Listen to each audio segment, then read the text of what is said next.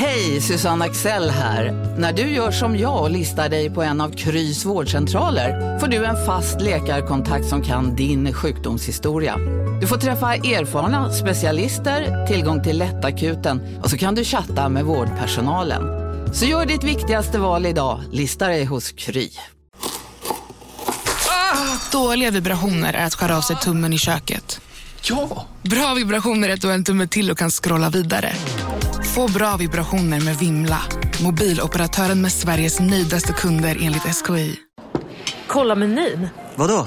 Kan det stämma? 12 köttbullar med mos för 32 spänn. Mm. Otroligt! Då får det bli efterrätt också. Lätt! Onsdagar är happy days på IKEA. Fram till 31 maj äter du som är eller blir IKEA Family-medlem alla varmrätter till halva priset. Vi ses i restaurangen på IKEA.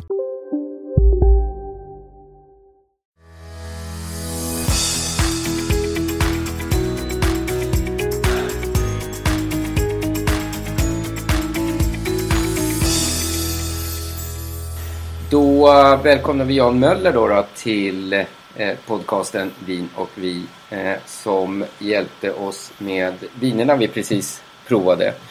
Eh, och du representerar Argo Argoria mm. vinimport. Yes, tack för att jag fick komma. Jättekul. Mm, Välkommen. Ja, riktigt kul att du vill vara med och, och vi var ju lite, lite rädda första gången vi provade dina viner. Mm vad ska vi tycka och Armenien var ju helt nytt för oss. Mm. Uh, och eh, som du har hört i första avsnittet och du kommer att troligtvis sen höra i nästa avsnitt så är vi ju väldigt, väldigt imponerande. Uh, ja, det var ju väldigt, en väldigt en outforskad del av kartan för oss båda så att säga. Mm. Ja, och, och vi tackar väldigt mycket för den support och hjälp du har eh, lyckats lösa genom att ta fram vilka viner vi ska testa. Ja. Men du, eh, en, en, fråga som vi har lite så här. Vil, vilka är Algoria och var, var kommer ni ifrån? Varför började ni med vin? Nej men alltså jag tyckte det var roligt att ni sa att ni, det, det var lite spännande för er att prova de här vinerna som är, det är liksom outforskat territorium för de flesta. Och, eh, så var det ju för mig eh, när jag hamnade i Armenien. Eh, inte av en slump eh, utan eh, var ju faktiskt och vandrade med ett, eh, ett kompisgäng i Georgien. Och, eh, och sen eh, var vi några stycken som åkte över till Armenien också. Och eh, jag är ju Eh, alltså jag är ju en vanlig amatörvindrickare så jag är ingen professionell sådär utan eh, på något sätt. Utan eh, jag är fascinerad av att resa, jag är fascinerad av viner. Eh, och när vi hamnade i Armenien sen så Eh, alltså, vi hade testat olika viner i Georgien på olika ställen uppe i byarna och så. Vi var väl lite besvikna och sen likadant i Armenien, de första vinerna vi provade där också på någon restaurang. Det var, det var inget kul liksom. Eh, Fanns det några likheter mellan vinerna mellan Georgien och Armenien? Mm, ja, alltså li likheter bestod av att det var ganska sötsliskiga viner helt enkelt. Så, eh, eh, så vi hade väl gett upp. Det var väl typ på vår tionde re resedag som vi hade gett upp. Att vi kommer liksom inte hitta några vettiga viner. Det var några halvdana vi hittade lite här och där. Men, men sådär. Man har ändå liksom förstått att det här var vinens vagga liksom och sådär. Men sen hamnade vi på, av en slump gick vi förbi. Vi, vi sa det när vi gick runt en hörna där och hade druckit det här eh, sliska vinet på den senaste restaurangen. Att nu, fan, tänk om man hittar en vinbar som var bara sådär fantastisk. Och de kunde hjälpa oss och ledsaga oss i den armeniska vinvärlden. Ja. Och vi gick 100 meter och där var en vinbar som var helt fantastisk. fantastisk. Eh, vi, vi, alltså det stod Wine Republic på, på, på utsidan och, och, det såg jättespännande ut när man tittade in där. Man, man, man gick ner liksom i en liten källare, källarlokal eh, kan man säga som ändå var ganska fräsch och iordningställd och sådär. Och där var ju viner, eh, vinflaskor på, på rad uppe på hyllorna. Och jätteduktiga servitör, servitörer som, som hjälpte oss och ledsagade oss och, och lät oss prova då det ena vinet efter det andra med de här märkliga druvorna och sådär. Eh, ja. och, och, där satt vi och skojade att eh, någon borde importera det här till Sverige och, och låta andra svenskar också få testa det. Eh, så att eh, där startade det på något sätt. Liksom. Det, det såddes ett litet frö. Men vi skojar ju. Alltså, man sitter där, man är långt bort från Sverige och man tror att man ska liksom börja importera vin. Men det, det där glömde man ju bort ganska snabbt sen. Ehm, men de här killarna som serverade oss, de var jätteduktiga. De, de kunde också berätta att det fanns inga armeniska viner i Sverige. De hade full koll liksom. Och så. Men eh, det här var ju på sommaren 2015 och, och sen då i, i, november när jag satt hemma och hade tråkigt här eh, en någon, eh, ruskig novemberkväll så tänkte jag att ja, varför inte. Så, jag drog igång och eh, genom hela den svenska byråkratin, 50 myndighetsblanketter och, och så vidare så, så så, så hade jag ett företag up and running eh, på något år där och de första vinerna fick jag ut på Systembolaget i beställningssortimentet då i januari 2017. Eh, ja. Så att det här är, det, det, jag har kört det här själv. Det är en one man show liksom. Eh, och det här är en ren fritidssyssla. Eh, min vision är liksom att ta hem fina viner till, till svenskarna och, och föra över resurser till Armenien så att de kan fortsätta utveckla sin spirande vinindustri. För den är, den, är, den är ju spirande fortfarande. Eh, men, men, med men har, den vuxit, hur, har den vuxit sedan du var där första gången så att säga, till, fram tills nu? Det har den. Eh, det händer ja. i princip saker dagligdags där. Alltså det, det är så spännande ja. att vara med den resa som, som de gör där. Jag var där 2015 och eh, många hade inte ens sitt eget vineri utan det var några stora som fanns där och, och de flesta av de här vingårdarna transporterade sina druvor ganska långt. För att, eh, ja. sådär, så att eh, druvorna var lite misshandlade innan de kom fram till, till det här vineriet och så. Men, men nu i princip har Eh, de flesta av de här eh, familjegårdarna som jag har varit i kontakt med, eh, de, de, de har ett eget vineri och väldigt fint, liksom, moderna grejer och, och så. Det är ganska dyrt för dem att importera de här prylarna för det är det ingen som tillverkas i Armenien. Så att, Nej, det. Det, det. är en tuff startsträcka för många.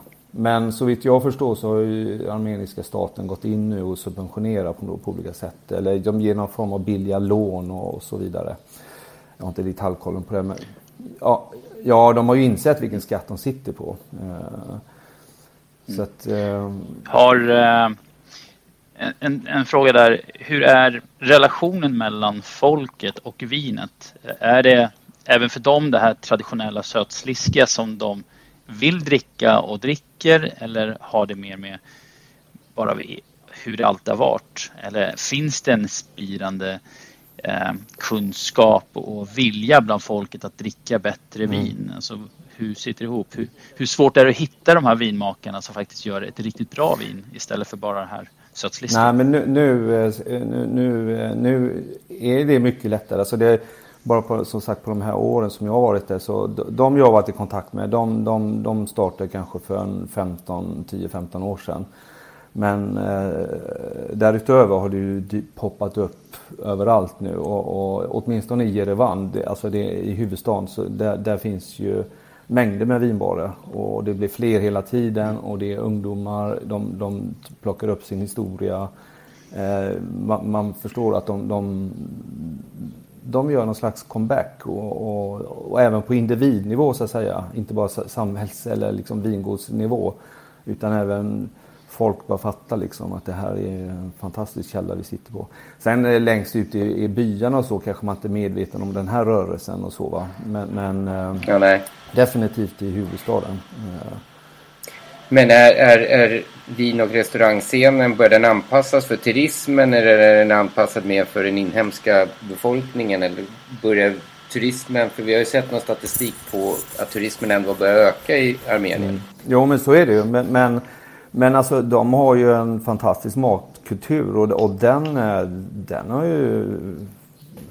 Nu har inte jag varit där mer än sedan 2015 va, men, eh, men alltså de har en fantastisk matkultur. Och det, så fort man kommer ut i någon by och det är minsta lilla restaurang där, alltså man, det blir, det blir uppdukat med ena rätten efter den andra och det tar aldrig slut liksom. Eh, jag har ju ordnat en resa där för, för ett gäng. Eh, vi var 12 stycken, det var min första resa jag ordnade då strax innan pandemin där. Ehm, ehm, och, och, det var ju sån här väldigt märklig kulturkrock i början när det gäller eh, maten. För att vi svenskar, vi, vi ska ju äta upp allt som serveras. Medan för armenierna var det ju att de, de, eh, de får aldrig bli tomt på, på bordet eller på tallrikarna. Mm. Så det tog ett par dagar även för mig då som, inte, som har varit här ett par gånger. Men det var ganska roligt att se alla de här proppmätta svenskarna liksom. Eh, innan vi bara fattade att nu, vi, vi, kan inte äta upp allt för de ställer in mer mat hela tiden. Och den är ju som sagt jättegod liksom. Så att det är, är, inte bara Jerevan där det är en fantastisk Nej. restaurangscen. Så, så det, det, finns även ute på landsbygden på sina ställen. Men, men visst absolut, det, det är en, en viss mån en turistanpassning. Men, men de är så stolta så att de håller inte på att anpassa sig till, till, liksom, eh, till turister så att det blir, det blir eh, taffligt. Utan de kör sitt, kör sitt koncept liksom. Så får turisterna anpassa sig till dem. Ja, men lite så. Men, men eh, det finns ju eh, franskinspirerat även i Jerevan och liksom i italienskt och allt möjligt så. Men, men, men, men de är ju internationella i sin matkultur ändå. För att det här är ju ett område som där det har rört sig, imperierna har rört sig fram och tillbaks över de här områdena och, och matkulturen eh, som de har den är ju hämtad från, från alla möjliga hörn i den, den delen av världen. Så, så, så jag skulle nog vilja säga att, att eh, ja, det är lite libanesiskt, det är lite turkiskt, det är lite eh, persiskt, det är lite allt möjligt. Eh, georgiskt liksom. Så. Och vem tycker inte om sån mat? Det är ju fantastiskt. Ja. En, en, fråga då. Har du tänkt att starta upp igen de här resorna, företagsresorna, när covid situationen försvinner. Ja. När allting börjar bli normalt. Ja, absolut. Om vi kommer dit. Jag har ju uh, goda kontakter där nu. Jag har ju varit där sju gånger och byggt upp kontakter med lokala guider och, och, och så, så sagt den här första resan jag ordnade för 12 pers, det var en vin och vandring. Så att vi, vi vandrade mm. på dagarna och sen så var det vinprovning och sen var det överdådig middagar på kvällen då. Det låter som någonting för mig och Jonas. Definitivt. Ja. Men apropå äh, vandring, för läser man, läser man på beskrivningarna på många vingårdar så, så odlas ju vinerna. Vingårdarna ligger på väldigt hög höjd. Ja, men det är en sann, sann modifikation för att eh, jag tror genomsnittshöjden i, i Armenien är någonstans om det är 1100 eller något sånt där. Eh, okay. Ja, det är runt 1000 någonting.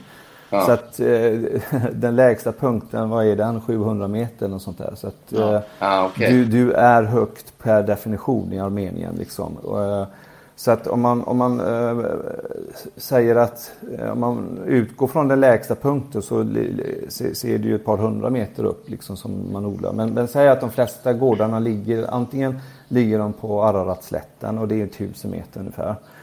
Uh, och sen har vi då regionen Vajazdar då längre ner och den, där odlar man på kanske 13, 14, 1500 meters höjd. Någonstans däremellan. Ja, och klimat, klimatet på den höjden och i Armenien generellt, hur, hur, hur är det? Är det varmt? Jag får för mig att det är ganska varmt. Ja, det är brutalt varmt. Uh, jag har varit där jag tror inte jag varit där i juli. Men jag har varit där hyfsat sent i juni och jag har varit där i augusti. Och det är, alltså det är ju 30, över 30 grader även på de höjderna. Nere på Araratslätten, där, där är det ju, och där Jerevan ligger, huvudstaden då, där, där är det ju, det dallrar. Det är 35 grader där i juli, augusti. Det går, alltså det är hur, hur är kvällarna då? Kvällar och eh, nätter? Eh, det är jättemysigt här. Eh, det är ju, alltså Jerevan är en ganska cool stad. Alla är ute på kvällarna. Alla kryper ut från, från sina lägenheter som man sitter och försöker svalka sig under dagen. Men mm. sen är alla ute på kvällen. Alla mellan 2 och 98 år liksom. Så det, det, är som om det är en festival liksom i ett par månader där. Och även på vintern wow. kan det bli lite små, inte varmt va, men, men, men, eh, men sen har de ju riktig vinter också. Det är ju det som är så spännande med det här landet. Det är extremt varmt på sommaren och, och faktiskt ganska kallt på vintern. De här januari, februari månaderna. Där, där är det ju, det var någon vinter, det var en halv meter snö där. Om det var 2017, 2018 och sånt där. Oj. Ja. Och man får ju höra av dig verkligen hur hur landet är. Men, men vad, vad skulle du beskriva som gör Armenien unikt? Alltså vad är det för någonting som du föll för när du var där? För att eh, bevisligen så, så eh, har du verkligen fallit för landet. Ja, men det, var, det var ganska mycket. Jag tror det var den där helheten. Liksom. De har allt. Eh, alltså det här lilla sagolandet som är ungefär stort som Småland. Det har allt. Det har en fantastisk matkultur. En fantastisk historia. Eh, det är första landet som, som eh, eh kristnades, 301. Eh, de eh, finns, att de överhuvudtaget finns kvar inklämda med de här imperierna. Eh, det är ett oerhört stolt folk. Eh, väldigt liksom ehm, de är lite reserverade men de är, de är otroligt vänliga liksom. Ehm, Ehm, ehm, och sen den här skatten, alltså vinerna, det hör ju ihop med deras historia. Alltså vinet har alltid funnits med hos dem.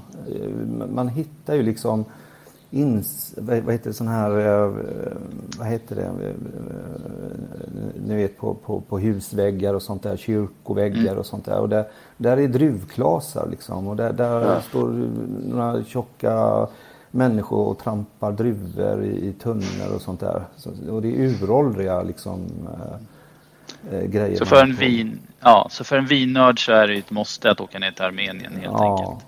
Och, och, och sen landskapet. Eh, fantastiskt landskap. Eh, det, det, alltså det enda de saknar som jag ser det, det då hade landet varit totalt komplett. Det, det är en havskust. Alltså, de har, ju, de, har, de har en stor sjö har de.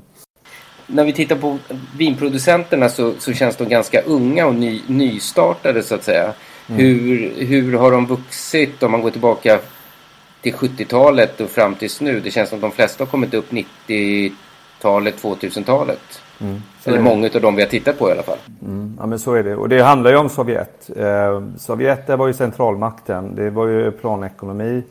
Man sa åt georgierna, ni tillverkar i storskalig, eh, storskalighet eh, vinet eh, tillsammans med Moldavien och det var väl någon region till i Sovjet som skulle förse landet med vin. Eh, Medan armenierna de fick inte fortsätta med sin brandy. vinproduktion utan druvorna skulle ju till, till brandy. Ja.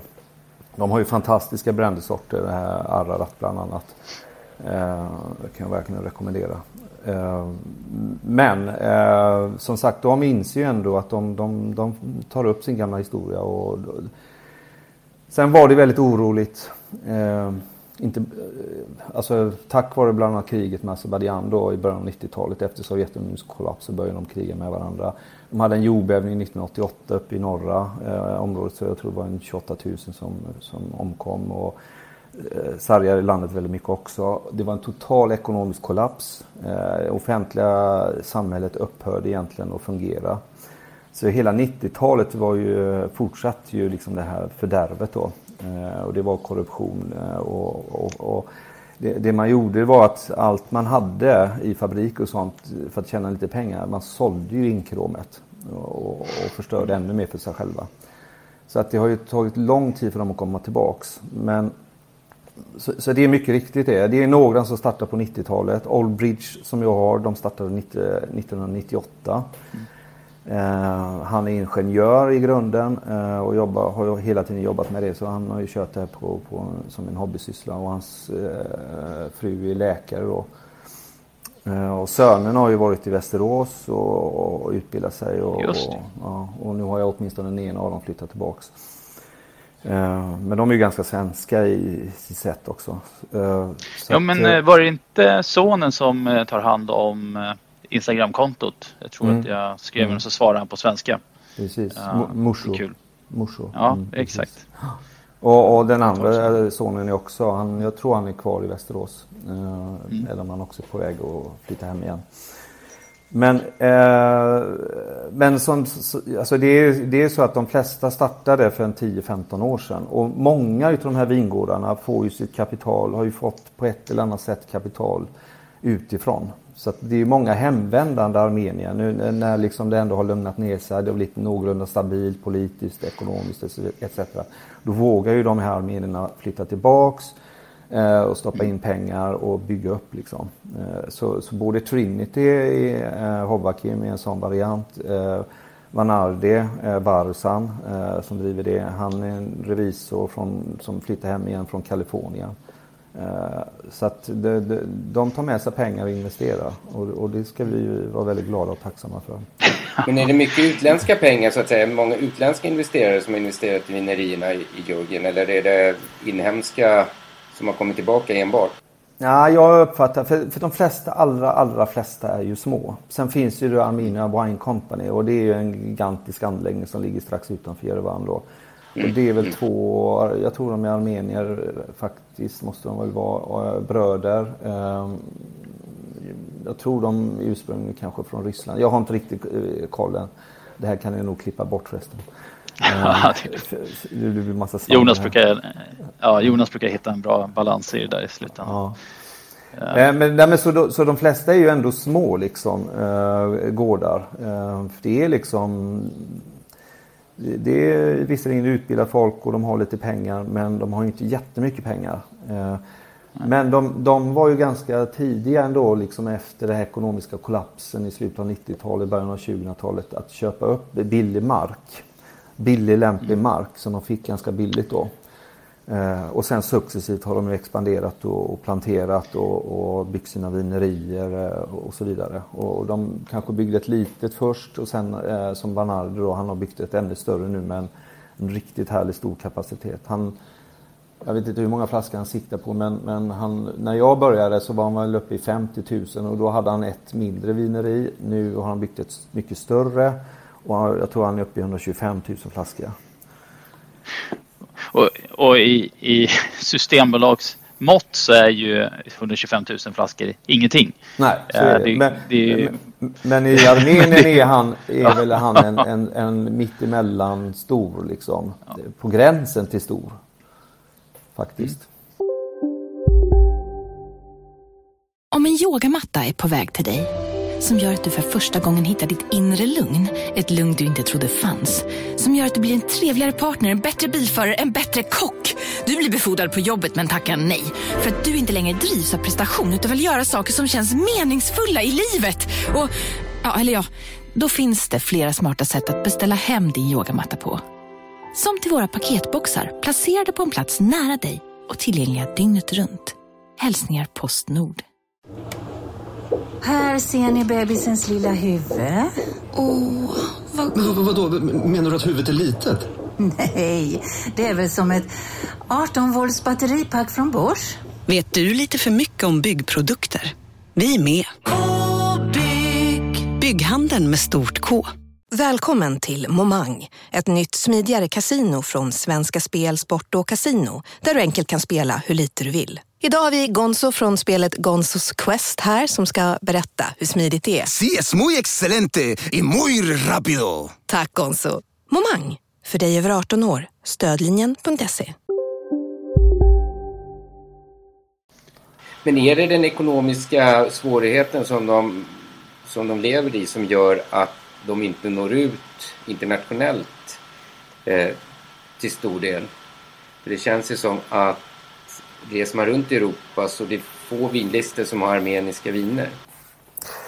Ja, alltså jag har ju grubblat nu i mina år här som jag har hållit på med det här varför det är så svårt liksom eh, att få folk att fatta att det här är fantastiska viner. Jag, jag, jag tror det bara är egentligen våra egna fördomar som spökar. För att jag tycker ändå, alltså man måste också tänka på att eh, i Armenien finns det tre miljoner armenier men det finns åtta miljoner i diasporan runt om i världen. Och de är ju eh, i viss mån i alla fall ambassadörer för, för sitt land och, och, så. Men det är ändå svårt att nå ut. Men, men, men det, det sälj, de säljer en del framförallt till Ryssland då av historiska skäl. Eh. Men också till Frankrike, Belgien eh, där det finns en del eh, armenier. Eh, och sen då till Kalifornien vet jag att de exporterar också. Eh, åtminstone Vanardi och Trinity. Eh, Men de följer, vinerna följer lite utvandrarna så att säga? Lite så, mm. men, men, eh, men samtidigt så säger ju eh, en del till mig där nere att satsa inte på armenierna utan satsa på svenskarna. För att armenier kan också vara lite skeptiska mot sin egen kvalitet så att säga av historiska skäl då liksom.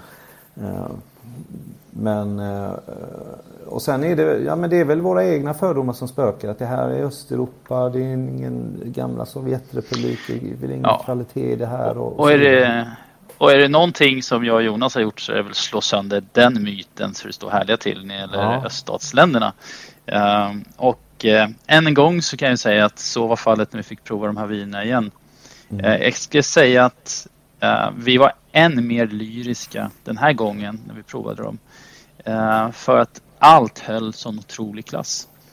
Eh, men jag har, jag har en liten fråga. Det var något av vinerna vi provade eh, där vi upplevde kanske att fatkaraktären var lite väl påtaglig. Och då, när man tittar här så är mer eller mindre alla de här på armenska ekfat. Har det med rent kostnadsmässigt att man inte har råd att köpa från Frankrike och kanske slavonska fat eller vad är grejen att man gör, att man väljer att bara köra med eh, armenska fat? Nej men jag tror, eh, jag tror ändå, alltså de är, de, jag tror de är lite ambivalenta eller har varit åtminstone. Att liksom de, jag, jag tyckte nog de ibland sneglar lite för mycket eh, på, på hur det går till i Frankrike, Italien och de gamla så att säga, traditionella vinländerna. Eh, Men att de då ändå nu kanske börjar fatta att ja, men vi har ju de egna grejerna. Vi, alltså, vi är ju världens äldsta vinland tillsammans med Georgien. Eh, Så att jag tror ändå de, de förstår att ja, men det är klart att vi måste använda våra egna ekfat. Vi ska inte hålla, för eh, de gjorde det i början. Trinity gjorde det, franska ekfat och Vanardi Mm. gjorde det. Och han verkar också börjat släppa dem nu. Och kör de här armeniska ekfaten. Och det roliga är de, de, de där ekfaten, eller ekarna, de växer ju i Nagorno-Karabach. I det här lite dimmiga landskapet. Eh, Inte där, för där är det lite mer mildare klimat, lite halvsvenskt klimat. Så där växer eken och trivs. Och det är Hur, man hur är den i jämförelse med, med den franska? Men har du provat viner som är gjorda på franska fat och samma vin på eh, armenska fat? Mm. Jo, som sagt, eh, de tidiga årgångarna av, av Trinity och framförallt Vanardi, det var ju franska ekfat. Och, alltså, i- jag är väl nästan det åt er alltså att avgöra. Eh, Nu, nu har jag väl, alltså jag är inte så eh, detaljkunnig. Men jag upplever nog att de är lite rundare ändå. Om jag ska säga någonting så tycker jag att det ändå blir lite rundare. Eh, Men sen, det handlar väl också om hur, hur färska ekfaten är och allt det där liksom. Såklart. Så att, Och- eh, ja. En, en sak som var väldigt intressant när vi fick de här äh, senaste vinerna det är att det var rätt så mycket var, eller nya variationer av samma vin. Att man har bytt ut istället för till exempel på Crossroads så var det ju Cabernet istället för uh, Syrah och liknande. Är det här någonting som är väldigt vanligt att man gör? Att man i ett normalt vin bara switchar direkt bara för att se vad som händer eller hur? Vad är tankegångarna hos vinmakarna? Jag tror De är att det här... unga som man förstår. Exakt, jag tror att det är det det handlar om. De, de, de experimenterar fortfarande. Liksom. De eh, försöker ju hitta liksom, en nivå som de själva gillar. Och, och sen, eh, alltså, de har ju typ 500 egna inhemska druvor. Eh, och sen då så kör de ju en del Cabernet, de kör lite Chardonnay eh, och Syrah då. Så att det är några druvor som, som funkar där nere tydligen. Eh. Eh, det är, nej men jag tror att de experimenterar. De är så sagt ganska nya gårdarna. De, de, nu börjar de här stockarna bli lite äldre. De ger mer avkastning. De har möjlighet att testa sig runt lite. Hur det kan funka om man blandar det här med, med, med, sin gamla inhemska druva och så vidare. Så jag tror det bara handlar om det. Ehm, att, det är lite häftigt också att kunna få vara med och se en alltså förändring om, om man säger på 10-15 år hur en vingård förändras och inte alltid förbättras men, men hittar sin personlighet. Ja. Eh, för att allting är ju vad man själv tycker om. Eh, Många vingårdar om man tittar på, eller vinproducenter bland annat i, i, i Italien och Frankrike, de gör ju sådana här experiment, experiment i, i, i skymundan. Vi får ju ta del av det som konsument att de byter helt plötsligt en druva till en annan mellan två årgångar. Så det, Mm. det är Ja, det häftigt att de vågar göra så. Att de låt, att ändå att de låter konsumenten ta del av det experimentet så att säga. Ja. Jag tror att det, det här är väl särskilt Trinity. De har ju ganska många viner. Medan till exempel Torspa, de, de kör sina tre viner. De har en, en, eh, en, en standard Hack Tanak och sen har de en Reserve Hack Tanak och sen har de sin, uh, vad heter den, uh, oh, nu tappar jag namnet bara för det. Uh, Kangon, mm. det vita då. Så de kör ju bara tre viner. Allbridge har egentligen bara ett rött. det här som är oftast 18 eller 24 månader på ekfat. Sen har, har han ju också han kör Voskat, det vita det, vinet på Voskat då. Mm, mm. Det har inte jag tagit in. Eh, men eh, medan Trinity då som sagt, han har ju, jag vet inte om det är, han har 15 viner eller någonting. Jag menar hans går inte större. Eh, men där är det mer experimentlusta liksom. Eh, Hovakim eh, och hans två kompanjoner som startade, de är ju lite äldre. Hovakim är ju en restaurangägare Eh, med tre olika restauranger, då, två stycken restauranger och den här den bästa vinbaren i, i Jerevan, Invino. Så han vill ju, han vill ju, han experimenterar också för att han kan testa på sina kunder eh, där hemma på, på lokalort liksom. Vilket de andra inte kan för de har ju ingen restaurang på det sättet. Eh, Vanard har ju, vad, är, vad har han, 6-7 vin eller sånt där.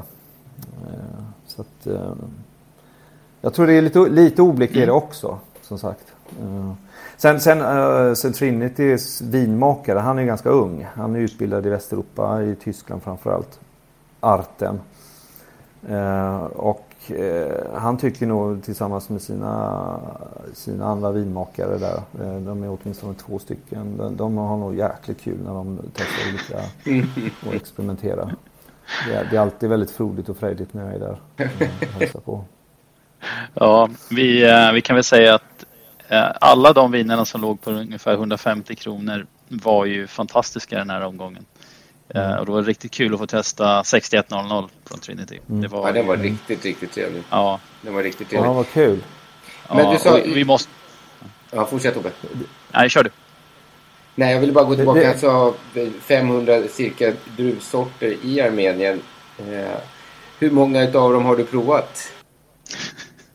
Inte så många, för att de är ganska fokuserade på några enstaka i kommersiell eh, väg faktiskt. Det är bara ett fåtal som står för den stora produktionen. Ja, framförallt Arene är druvan ju. Eh, som 6100 bland annat är 100% gjord av.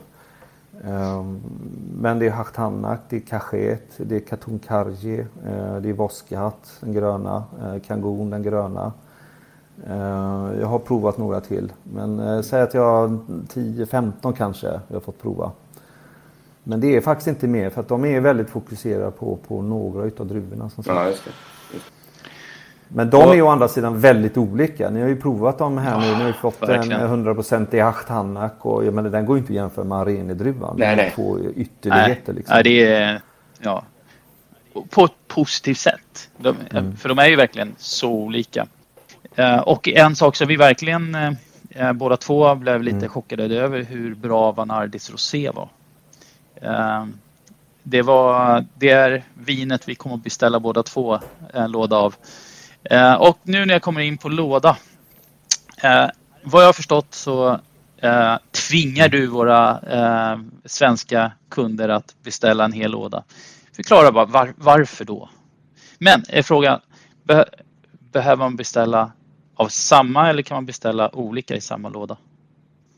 Nej, men jag, jag tvingar dem bara för att de ska köpa mycket. Det, det nej, men, nej, men alltså det är ju en, det är väldigt kostsamt det här. Det här är på låg nivå eller på lågskalig nivå som jag håller på, eh, håller på med. Och att skicka en enstaka flaska till Systembolaget det kostar ju mig nästan det dubbla än att skicka en hel låda med sex flaskor eller tre flaskor då. Men jag har ju ändå, eh, jag sålde Allbridge på enstaka flaska eh, med i princip förlust ett tag. Eh, men standard är ju sex flaskor i en låda när man får dem oftast från vingårdarna, ibland tolv liksom. Eh, men jag har i alla fall pratat ihop mig ordentligt med dem nu att de, de får packa dem i eh, trepack eh, låda. Ah. Eh, okay. så att de, ja, men andra, det är ju ändå... Ja, de andra, ja, jag ja. tycker väl ändå liksom, då har man eh, tre flaskor, då, då dricker man en på en, en gång och så sparar man en och så ger man bort en. Uh, så att uh, då blir det inte hiskeligt dyrt liksom att köpa en, en hel låda med sex stycken. Eh, däremot har jag inte lyckats det med Vanardi eh, ännu. Eh, så det, det en, men det är en tidsfråga eh, tror jag också. Mm. Så, så, kommer vi ner i trepackslåda där också. Men nu, nu, faktiskt så har jag ändrat så att man kan i alla fall beställa Trinity E. Eh, eh, enstaka flaska ett tag. Eh, mm, okay. Sen, sen eh, när lagret av sexpacks eh, lådor tar slut där så, så finns det trepackslåda. Så då kommer vi upp till trepack. Så att... Ja, okej. Okay. Så, mm. så du har fått dem skeppade i trepackslådor så att det blir sen lättare och sen skickar dem vidare? Exakt. Vi förstår. Ja, ja men det här är ju alltså, vi, eh, det är inte alltid lätt för våra lyssnare eller de som kollar på vingruppen eh, i Facebook att varför ska jag köpa så här många? Men, men samtidigt så får de i vissa fall också bara lita på det vi, vad vi tycker. Mm. Sen behöver inte alla tycka likadant som oss och det är fine. Men, men det finns ju många av de här vinerna som jag definitivt kan stolt säga att köp en, en låda om sex stycken för du kommer att vara riktigt nöjd. Mm. För det är jag, kommer inte ihåg, jag kommer inte ihåg om det var förra Kroatien-avsnittet eller om det var Armenien. Äh, eller förra Serbien. Armenien eller var det Serbien? Ja, men yes. där de också beställde lådvis av något vin. Men folk var bara glada av att få en låda av det just för att det var så pass bra viner. Ja, just det. Ja, men, det, det, men ni frågar också det här med mixad låda. Det, det är något som jag självklart har funderat på. Men, men alltså det är jäkla krångligt att få ihop alltså. Och speciellt när man exporterar in till EU. Eh, om de ska packa det i sådana här mixade lådor och det ska Nej. passera gränsen. Det, det, är lite, det är ganska mycket mer byråkrati och pussel liksom för att få ihop det. Sen kan man då kanske packa om de här liksom, men det är ju också en kostnad liksom. Och jag, jag, alltså jag, jag säljer, som sagt, jag, det, det, är inte så att jag säljer hundratusentals flaskor och tjänar massa pengar på det här utan ja, i princip tvärtom. Liksom. Ja, och där, här har du ju lite som den här podden. Ja, just det. det är mycket ide ideellt här inom vinvärlden. jo, men, men sen får man ju titta på att prisvärdheten på de här vinerna och är ju helt fantastiskt och då är det inte konstigt att man får kanske ta sig en chansning att prova någonting och eh, som du säger i värsta fall får man väl ge bort någon flaska till någon vän i present. Och, mm. för att det är ju någonting som de aldrig har fått prova. Garanterat. Exakt. Så det, mm. det, det, är det som gör det extra kul också. Mm. Jag brukar köra det som försäljningsargument. Ja. En, en, ett unikt vin som de, som de aldrig har provat, definitivt. Ja, och det är inte så som, som du sa det här lite sötsliskiga som du kanske hittar en, en liten affär som och man bara provar och det smakar skit som händer många gånger på turistställen. Mm. Utan alla, allting du har valt in är ju kvalitet. Nu låter det som att vi vill sälja in dina viner för svenska marknaden. Sanningen är att ja, lite så är det ju. Uh, med allt annat vi tycker är riktigt bra. Uh, ja. Men uh, det är, men jag, jag, har en till fråga hur ser du på framtiden i Sverige när det gäller eh, att jobba inom vin? Eh, ja du, eh, alltså det är ju ganska otympligt. Vi har ett systembolag. Eh, visst, är man leverantör dit så når man hela svenska befolkningen i princip. genom en enda inkörsport så att säga. Men det är inte så att man, man, eh, man står ju inte på hyllan liksom med de armeniska vinerna.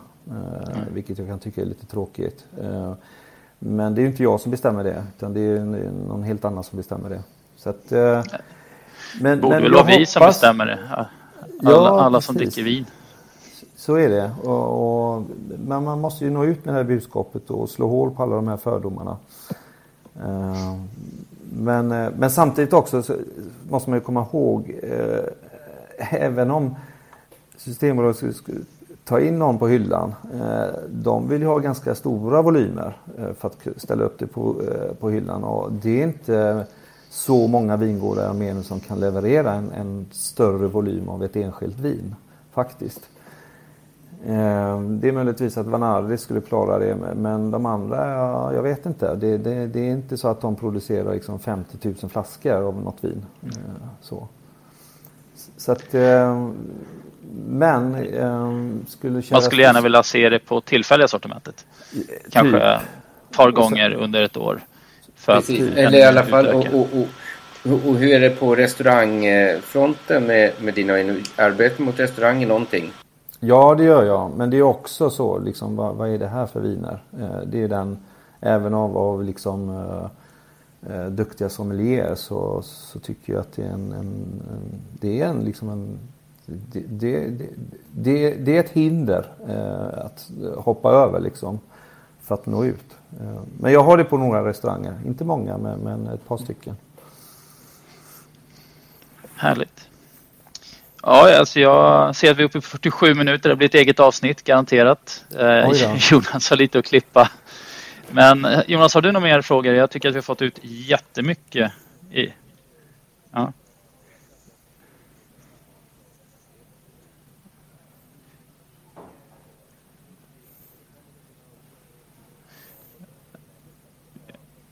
Tycker, tycker Jonas du ska lyssna lite på, eh, du får ta bort lite vinglasklirr. i- Ja.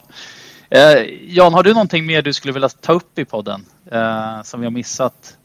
Det här är din tid.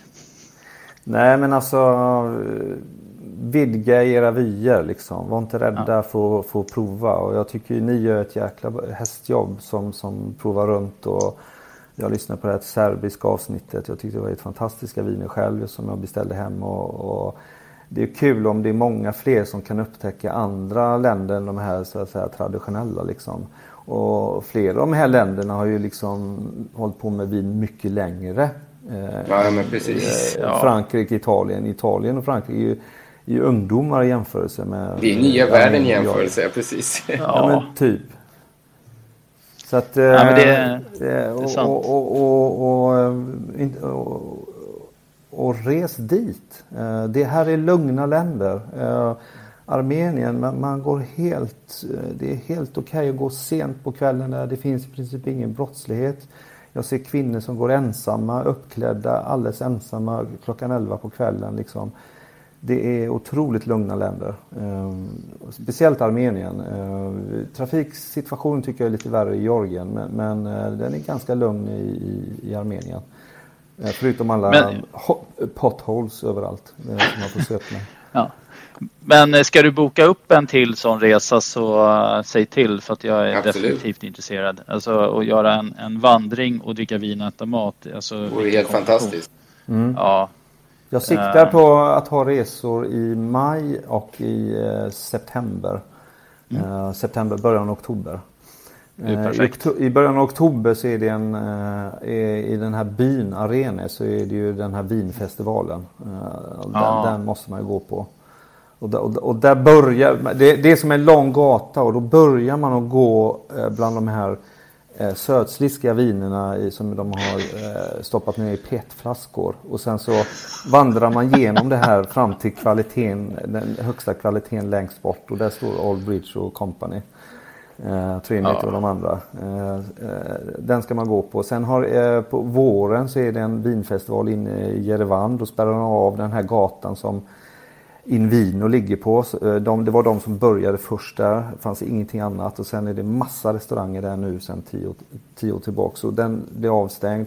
Och där provar man också massa viner. Så att, eh, den är Ja. någon gång i eh, slutet av maj tror jag. Så jag försöker tajma in dem eh, på mina resor också. Så att, eh, Ja, nej, men, eh, jag, jag, är defin, jag är definitivt intresserad av att hänga med på en sån resa. Mycket intressant, absolut. Ja. Ja, stort Ja. tack för det här Jan. Ja, tack tack, själva. Ja. Hörs. Ha det så jättebra. Ha det gott. Mm. Fint. Nu stänger jag av inspelningen.